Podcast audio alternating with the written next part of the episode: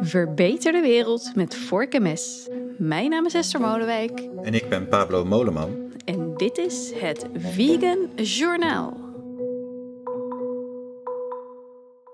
Pablo, ja, ik moet even iets kwijt over de afgelopen aflevering. Uh, het interview met uh, uh, Molly, Molly Elwood. Heb jij het al geluisterd trouwens? Ik heb het nog niet geluisterd, nee. Oké, oh spannend. Nou, dat, is, dat komt extra goed uit, want dan kan ik het tegen jou ook meteen zeggen. Ik kreeg daar, Molly Elwood maakt dus biologisch hondenvlees. En ik kreeg daarover, ja, zoals verwacht, uh, best wel wat verontwaardigde reacties.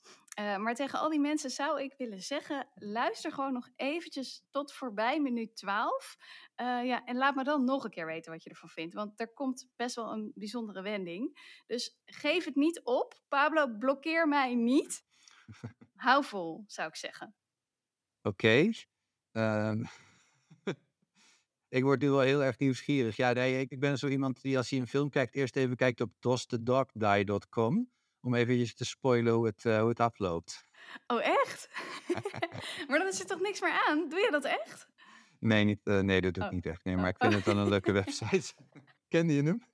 Nee, nee, nee, heb ik echt nog nooit van gehoord. Ja, het nee. is veel grappig. Je kan er van alle, alle, alle films zien of er dieren in doodgaan. En als er mensen in doodgaan, dan is het oké. Okay. Ik geloof dat de, de film, film Alien wordt daar gerecenseerd als van alle mensen gaan dood, maar de kat overleeft. Dus... Oh, werkelijk? Wat heerlijk. Nog even, hoe heet die site? Does the dog die? Um, nou, ik kan dan... Oké, laat ik dan een kleine spoiler doen. Het loopt goed af. Oké. Okay. En er gaan geen dieren in dood. Oké. Alright. Nou, dan moeten we het over serieuzere zaken hebben. Ja, ik moet eigenlijk ook even teruggaan op de vorige aflevering. Of in elk geval de, de, de vorige Vegan Journaal. Uh, want die hebben we best wel vrolijk afgesloten. Waarin we al aan het fantaseren waren over een aflevering. Waarin we dan de, de, de brief hè, van, uh, van minister Adema zouden, ja. uh, zouden doornemen samen. Um, ja, dat gaat toch even la wat langer moeten duren. Want net nadat we die aflevering op hadden genomen is het kabinet gevallen. Uh, dat is geen nieuws, denk ik meer, voor de meeste luisteraars. Dus het is ook zeer de vraag, uh, ja, uh, of die, die brief, die, dat, zal, dat zal nu op zijn minst met een jaar vertraagd zijn. En zeer waarschijnlijk zal die niet van minister Adema meer afkomstig zijn. Dus dat is jammer. Nou, er was ook iemand wel heel blij mee. En dat was uiteraard de voorman van Farmers Defence Force, Mark van de Oever. Die zei: Strijders, gefeliciteerd. Jullie hebben het gefixt. The world is ours. Het is V-Day. Na vier jaar lange strijd. The world is, ja, the world is ours. Dat geeft wel een heel mooi beeld van de manier waarop er gedacht wordt daar. In, sowieso, een, een kwart van Nederland is alleen van de koeien al, zeg maar. Wat willen ze nog meer? Nou ja, de helft. Maar denk ja, ik. goed. De helft, ja. Maar um, ja, ik ben er wel echt uh, best wel uh, beroerd van. Het was geen geweldig kabinet natuurlijk uh, vanuit het oogpunt van eiwittransitie. Maar ik ben er ook wel bang voor dat we er niet heel veel beters voor terug gaan, gaan krijgen. Gaat het moeten zien. In elk geval, dus in september horen we welke onderdelen er controversieel worden verklaard en welke niet. Controversieel verklaard, dat houdt dan in de onderwerpen die niet meer door dit kabinet behandeld mogen worden en die uh, naar het volgende kabinet doorgeschoven worden. En de, de, kans is natuurlijk vrij groot dat het stikstofbeleid daaronder gaat vallen. Ja, ja en ook, uh, ook, ook het, uh, de, de, de nationale eiwitstrategie natuurlijk. Ja, het enige wat we wel al zeker weten is dat alles wat uh, al het financiële beleid, dat, dat, dat moet doorgang vinden. Anders dan komen de overheidsfinanciën uh, in gevaar. Dus de havermelktax, die is nog niet buitenschot. Ah. Ja, dus daar, daar, daar moeten we nog steeds voor vrezen. Dat is dan wel weer een beetje ironisch. Tegelijkertijd is er, is er ook wel weer een goede kans dat die afgeschoten kan worden. Zeker omdat de coalitiepartijen daar, daar nu uh, vrij in kunnen stemmen. Dus ja, wat, wat betekent dit voor de eiwittransitie? Sowieso nog meer uitstel. En uh, verder uh, ja, gaan we het zien. Goed, nou zullen we door naar, uh, naar het Europese niveau, naar die Natuurherstelwet. Want dat is toch een beetje, nou ja, lichtelijk goed nieuws, denk ik dan. Hij is eindelijk aangenomen. Uh, alhoewel in een wat afgezwakte versie. En eventjes als opfrisser, wat is nou ook weer die Natuurherstelwet? Nou, die heeft dus als doel om de aangetaste natuur in de Europese Unie te laten herstellen.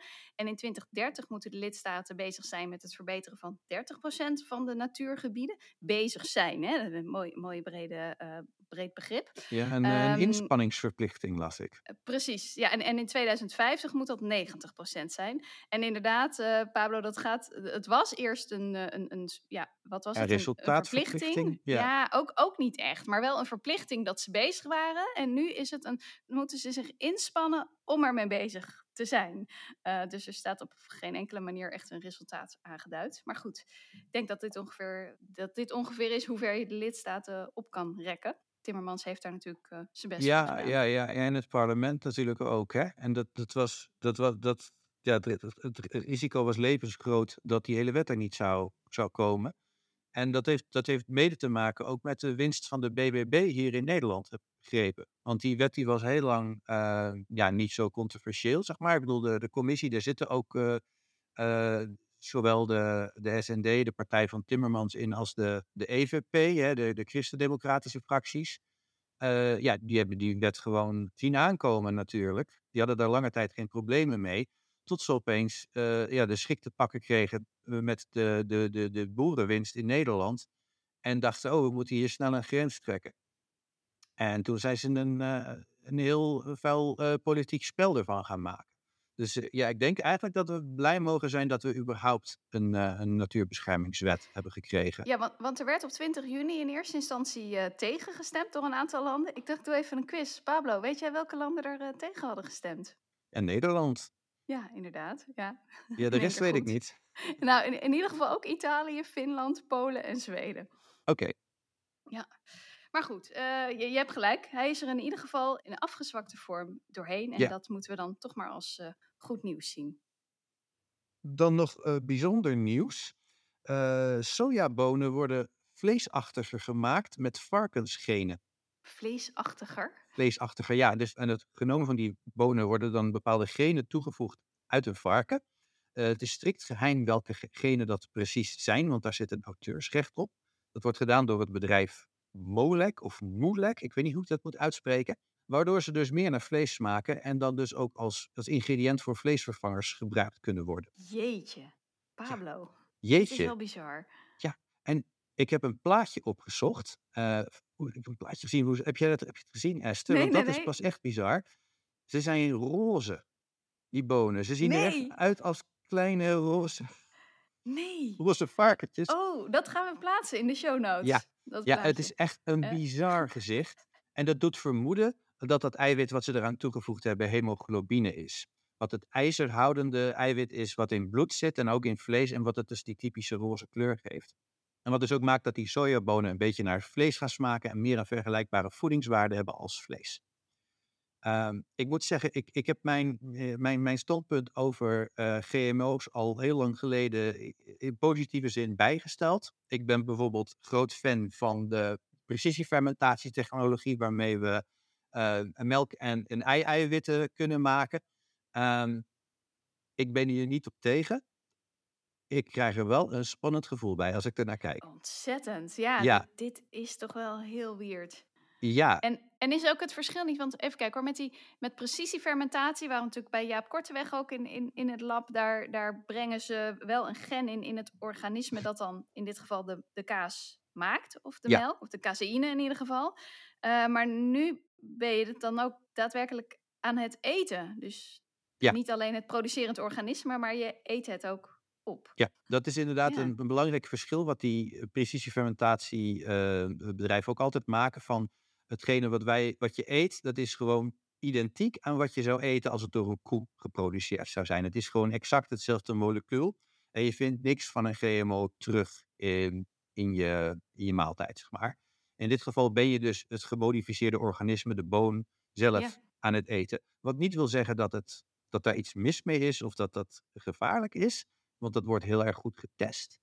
Maar ja, het ziet er wel heel bijzonder uit. Ja, Ja, Het- dit, het- eh, al- als mensen het over Frankenstein food hebben, dan krijg je toch een beetje dit soort eh, associaties. ja, ja het, ge- het geeft mij wel een beetje inderdaad een, eh, een, een eerie gevoel, inderdaad. Ja. Maar En hoe ver is dit? Gaan, gaan we dit nou in de, in de supermarkt al vinden straks? Of moet dit nog langs allerlei controles en goedkeuringstrajecten? zoals al vaker, het zal dus eerst nog eh, uitgebreid getest worden voordat het wordt goedgekeurd. En dan waarschijnlijk in de Amerikaanse markt. Daar zijn ze het al gewend. Daar heb je bijvoorbeeld ook uh, vleesvervangers, dus waar uh, hemoglobine aan, aan toegevoegd is, die via planten verkregen is. in de EU zijn de regels nog een stuk strikter, waardoor ik me eigenlijk wil afvragen of het hier überhaupt op de markt gaat komen. Dus ze richten zich in eerste instantie op de VS en wie weet wat er, wat er daarna nog volgt. En dan ja, las ik dus het volgende. Volgens Brits onderzoek zijn vegan producten vaak niet helemaal vegan. Ja, nee. Deze wil ik dus echt heel graag eventjes debunken, Esther. Want ik heb okay. hier zo aan geërgerd. Oh, echt? Oké, oké. Ik, ga, ik ga je eerst voorlezen wat, wat het onderzoek uh, liet zien. En dan, dan mag jij helemaal los, oké? Oké, ik, ik hou me in. Het Chartered Trading Standard Institute onderzocht 61 eh, als veganistisch aangemerkte producten. En de geanalyseerde producten waren onder andere dus uh, veganistische chocoladetruffels, pizza, hamburgers, muffins en wraps. En ruim een derde daarvan bleek dierlijke ingrediënten te bevatten. En ruim 90% bevatten sporen van zuivel of onnauwkeurigheden in de etikettering en voedingsinformatie. Ik vind dat nogal een groot verschil, uh, welke van de twee het was. Maar goed, ruim 90%. Ik dacht, is dit nou echt waar? Jij, jij moet het vast weten. Ja, nou ja, ik heb begrepen dus dat het inderdaad om een derde van de producten gaat die sporen bevatten van zuivel of ei. Uh, die onnauwkeurigheden die duiden er volgens mij niet op dat het product niet vegan is. Dus dat is sowieso okay. nogal uit zijn verband getrokken. Maar okay. de, de, meeste media hebben daarvan gemaakt: één op de drie vegan producten is niet vegan. Um, en dan wordt er ook nog door die, uh, door die standards-organisatie gesteld dat door het ontbreken van een wettelijke definitie van vegan uh, dit, mo dit, dit, dit, mogelijk is en dat mensen met voedselallergieën daardoor in, in levensgevaar worden gebracht. Um, ja, dat is, dat, dat, dat is wel echt een, een, een heel tragisch misverstand, denk ik. Want, nou, om te beginnen, het, het klopt dat er op dit moment geen wettelijke definitie is van veganisme. Er staat niks in de wet. Maar dat wil niet zeggen dat er geen definities van veganisme zijn. Die zijn er wel. Bijvoorbeeld, er zijn internationale standaarden afgesproken door het bedrijfsleven zelf, uh, door de ISO. Er zijn standaarden van de European Vegetarian Union. En die zeggen allebei heel nadrukkelijk, daar mogen sporen van melk of eieren in zitten. Oké, okay, en, en Pablo, kun je definiëren, wat zijn dan eigenlijk sporen? Als je als producent ja. besluit om zeg maar 1% melk eiwit toe te voegen, is ja. dat dan een spoor? Nee, nee, uh, dan is het zeker geen spoor. Als je het bewust toevoegt, dan is het een ingrediënt. Uh, als het er per ongeluk in komt, dan is het een spoor. En dat, dat, dat kan door kruisbesmetting gebeuren. Dat gaat om hele kleine hoeveelheden, omdat je in dezelfde fabriek of op dezelfde productielijn een product maakt waar dan melk of ei in zit. Um, zelfs als je heel goed schoonmaakt, dan is het niet altijd te voorkomen dat er kleine, wel meetbare hoeveelheden in terechtkomen. En voor mensen met allergieën kan dat soms een probleem zijn. Als je, als je een ernstige allergie hebt, dan kun je er ziek van worden. Dan weet je dat ook meestal van jezelf. Veel mensen die een, een matige allergie hebben, die weten dat van zichzelf ook. En die weten, oh, ik kan wel producten eten waar die sporen in zitten. Vegetariërs en veganisten, die hebben een, een principiële reden waarom ze, bepaalde, waarom ze die keuze maken. En die hebben in de regel helemaal geen moeite met die sporen. Dus die, eh, die een derde die dan volgens de onderzoekers niet veganistisch zou zijn, dat gaat echt uitsluitend om sporen van. Dat gaat ja. niet om dat ze dan alsnog de kaas in hadden gestopt en dan hadden geschreven vegan uh, nachos. Nee, natuurlijk nee. niet. Nee, nee, nee want okay. bedoel, dat, dat zou dan ook. Dat, dat, dat, dat, dat, daar zouden ze denk ik wel heel erg snel uh, klachten over ontvangen. Maar dit, dit wordt nu dus ook, ook in een serieuze krant als The Guardian wordt het echt als een groot schandaal neergezet. Wordt er heel veel aandacht op gevestigd. En ja, dat vind ik wel risky, want die een derde die laat dus ook eigenlijk zien um, ja, hoe moeilijk wij het onszelf zouden maken als we er opeens wel een probleem van zouden maken. Hoeveel producten er dan zouden afvallen, terwijl het gaat om minuscule, onbedoelde uh, uh, aanwezigheid van, uh, van, van, een, van melk of ei. Nou, wat mij betreft heb je hem uh, voldoende gedebunked. Oké, okay, dankjewel. Dan uh, de graandeal. Die is niet meer. In elk geval uh, op dit moment is, is die niet verlengd. En de grote vraag is dus, is dat slecht nieuws voor de mensen die dat graan hard nodig hebben in de wereld? Want, ja, nee, misschien moet ik hem eerst even uitleggen. die graandeal, dat is dus een deal tussen Rusland, Oekraïne en Turkije en de Verenigde Naties om het mogelijk te maken dat er nog schepen met graan over de Zwarte Zee uh, varen, waar Rusland allemaal oorlogsschepen heeft uh, en Oekraïnse boten probeert tegen te houden.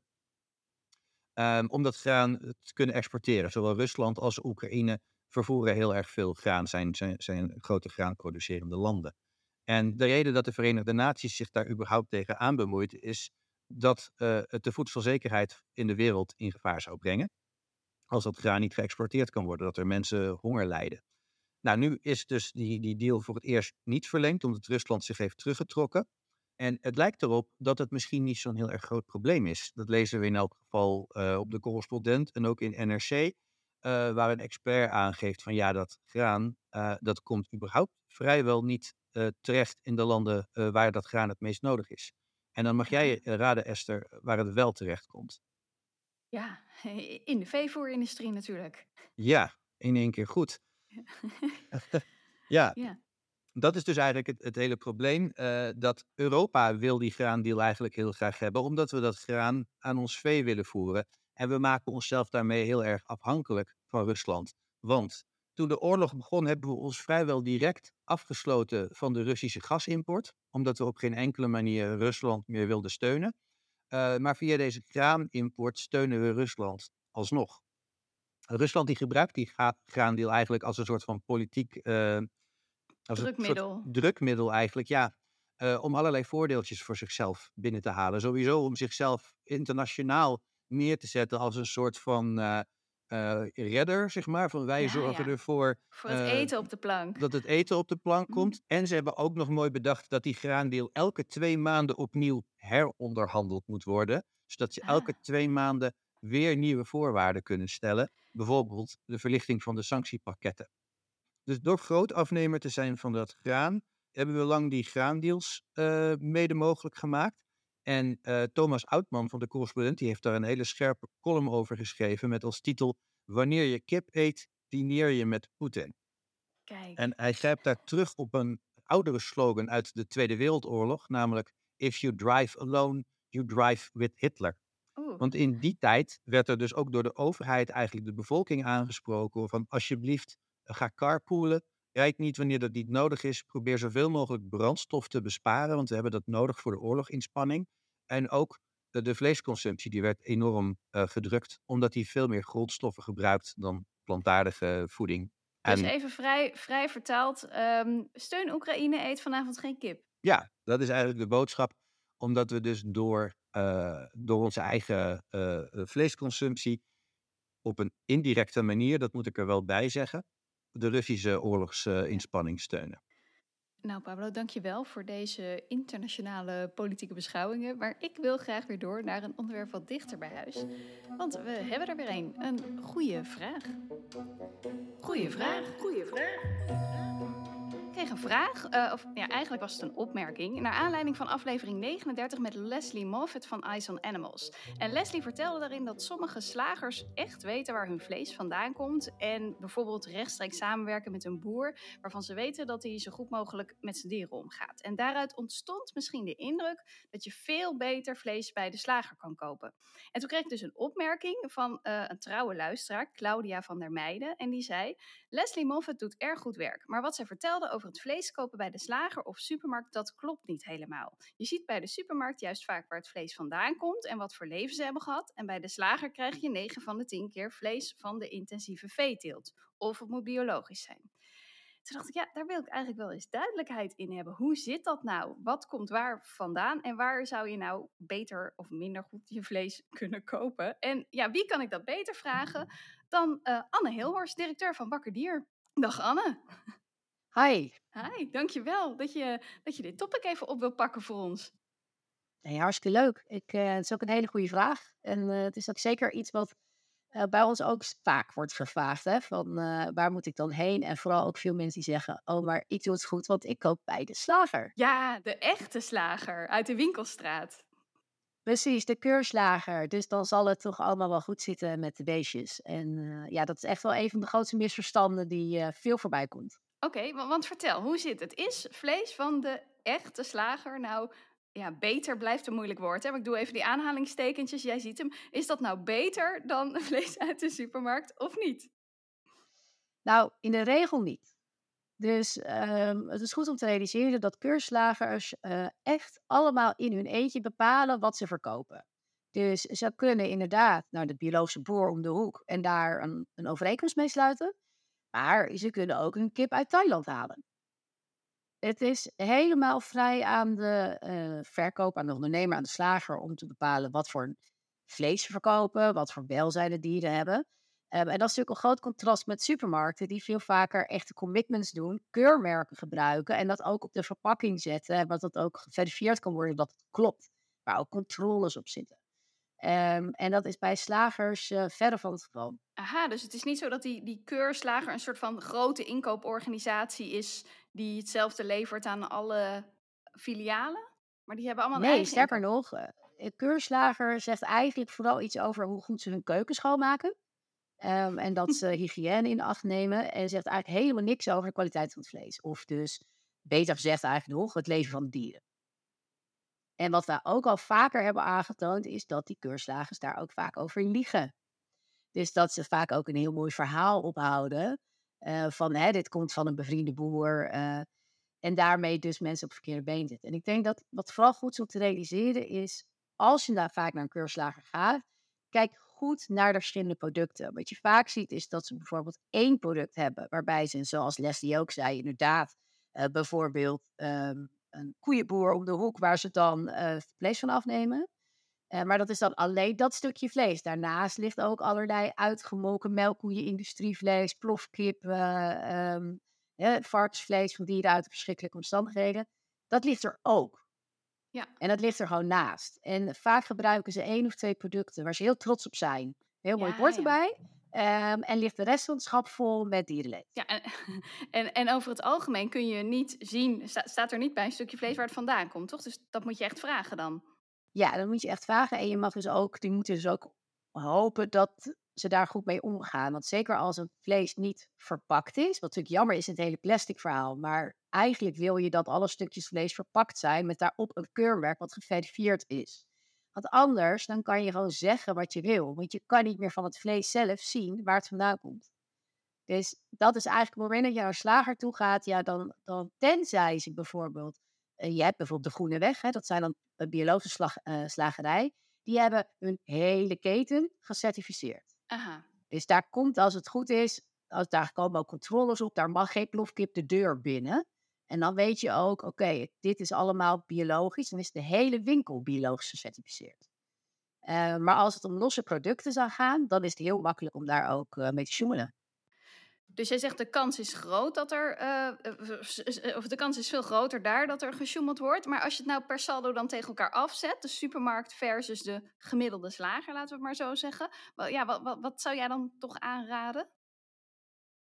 Oeh, vind ik een hele moeilijke vraag. Want ik denk dat als je een, een, een goede slager vindt, als in dus een gecertificeerd biologische slager, dan denk ik dat je daar zeker uh, producten kunt kiezen waarbij er een rekening wordt gehouden met dierenwelzijn.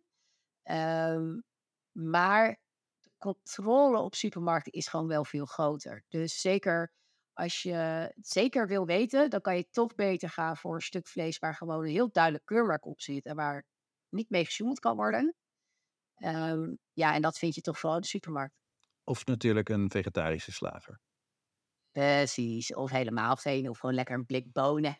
nee, maar dat, dat, dat is natuurlijk zo. Dat, dat, uh, daar, ja, en dan moet je ook weer opletten of er niet stiekem toch nog kaas in zit.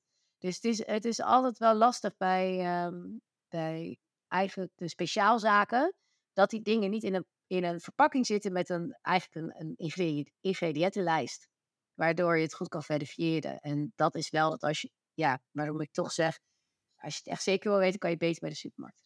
Is het niet ook een, een, probleem voor de hygiëne eigenlijk, dat dat vlees niet verpakt is, dat het allemaal tegen elkaar aan ligt? Ja, nou dat is wel bijvoorbeeld waarom dus keurslagers dus vooral over hygiëne gaat. Hè? Dat ze dus inderdaad controleren of die slagers hun stromen wel goed gescheiden houden, zodat dus, nou ja, bekendste voorbeeld is natuurlijk kip, waar de kans op salmonella aanwezig is, waardoor ze zeggen, nou, dat moet je echt scheiden van andere vleesproducten. Um, ja, en dat, dat is absoluut een risico. Ja, maar zelfs als je, ja. als je tien stukjes kip hebt en één heeft er salmonella, dan hebben straks alle tien uh. Ja. Dat zie je ook vaak met uh, dingen als uh, van die barbecue schalen. Ja. Hè, want vis is bijvoorbeeld ook zo'n product waar vaak resistente bacteriën op zitten. Eh, kweekvis. Dus dan, gaat het, dan heb je een schaal met vis en vlees. En dan voor je het weet zit het overal. Oh ja, gaat verdemmen. Zijn er ook, zijn er ook eigenlijk eh, slagers die geen keurslager zijn? Of moeten ze het zijn? Zeker. Dus het, wat je vaak hoort is dus mensen zeggen... oh, maar ik ga naar de goede slager, want mijn slager is een keurslager. Ja. Als onderscheid. En dat is, nou ja, het belangrijkste is dus dat dat niks zegt over dierenwelzijn. En, en dan Anne, eh, wij, wij doen ook vaak eh, Foxpops, dat zijn straatinterviews. En dan vragen we aan mensen wat ze eten en of ze als vlees eten. En grappig genoeg zegt bijna iedereen dan, ik eet alleen maar goed vlees. Weer die aanhalingstekentjes die jij kan zien, maar de luisteraar niet. Dan ga ik jou de onmogelijke vraag stellen. Eh, ja, is er eigenlijk goed vlees? En om hoeveel procent goed vlees gaat het dan zo'n beetje in Nederland? Ja, nou ja, dat is dus inderdaad een onmogelijke vraag. Want ik wil vooropstellen dat, eh, dat ieder dier liever leeft. Dus dat vlees natuurlijk per definitie eh, niet goed kan zijn. In de zin van, je, moet ervoor doden. Eh, maar als je dan wil kiezen voor het diervriendelijkste, wat er dan in Nederland te koop is, dan kom je toch wel uit bij biologisch dynamisch. Of bijvoorbeeld drie beter levensstijlen. En dat zijn gewoon goede, stevige keurmerken. Waar ook echt wel flink op gecontroleerd wordt. Waar ook een aardige eisenlijst bij hoort. Ehm, dus daar ga je dan op letten. Er is één wat je nog zou kunnen doen als je het, als je het heel ehm, fanatiek oppakt. Is er zijn natuurlijk kleine particuliere initiatieven van, van mensen die het echt heel veel beter proberen te doen. En daar kan je natuurlijk heen. Die kunnen ook, hebben soms ook ehm, certificaten. Die zijn bijvoorbeeld biologisch, maar die doen nog meer dan biologisch. En dan zou je dus echt kunnen zeggen: Oké, ik ga bij die mensen daar op het erf kopen. Maar dan wil ik wel weer benadrukken: zorg er wel voor dat ze dan op zijn minst aan bepaalde keurmerken voldoen, zoals biologisch. Zodat je weet dat het niet helemaal een promo-verhaal is. ja, ja. Want dat gebeurt ook zeker ook. En je ziet het veel bij varkensboeren. dat ze dan aan de voorkant bijvoorbeeld een paar leuke varkentjes hebben zitten. Achter zit een enorme industriestal. En ze verkopen al het vlees met hetzelfde prachtige verhaal. Dus blijf echt op die keurmerken letten. Wees een super kritische consument, zeg je eigenlijk. Nou, ik denk dat dat wel, als je vlees eet, dan heb je absoluut de verantwoordelijkheid om zo kritisch mogelijk te zijn. Om, eh, om te zorgen dat je die dieren in ieder geval een beetje netjes hebt. En als we het dan hebben over dat, eh, nou ja, laten, we- wat zei je, biolo- eh, biologisch dynamisch en drie sterren beter leven en die paar hele leuke in, eh, particuliere Ja. initiatieven. Op hoeveel procent zouden we dan zo'n beetje komen in het Nederlandse vlees? Ehm, nou ja, minder dan 5% als je het gemiddelde neemt. Dus als 80% van de mensen, ik verzin maar wat, zegt van ja, ik eet alleen goed vlees, dan houden de meesten zichzelf voor de gek. Absoluut. Ja, en, en wat je nog daarbij vaak ziet, is dat mensen dan zeggen: Oh ja, want ik haal het bij de slager. Nou ja, daarvan zeggen de cijfers ook gewoon: dat kan niet. Want 80 tot 90 procent van het vlees wordt verkocht in de supermarkt. Dus ik, dan is het misschien zo dat je dat doet met kerst of je doet Ja. het met, eh, op zaterdagavond. Ehm, maar vergeet niet dat een heel groot deel van de vleesconsumptie is gewoon plakjes ham op brood. En die kopen mensen echt niet allemaal bij de keurslager. Anne, enorm bedankt dat je ons even nou, best wel goed inzicht hebt gegeven in, in deze ingewikkelde materie. Graag gedaan. Dankjewel.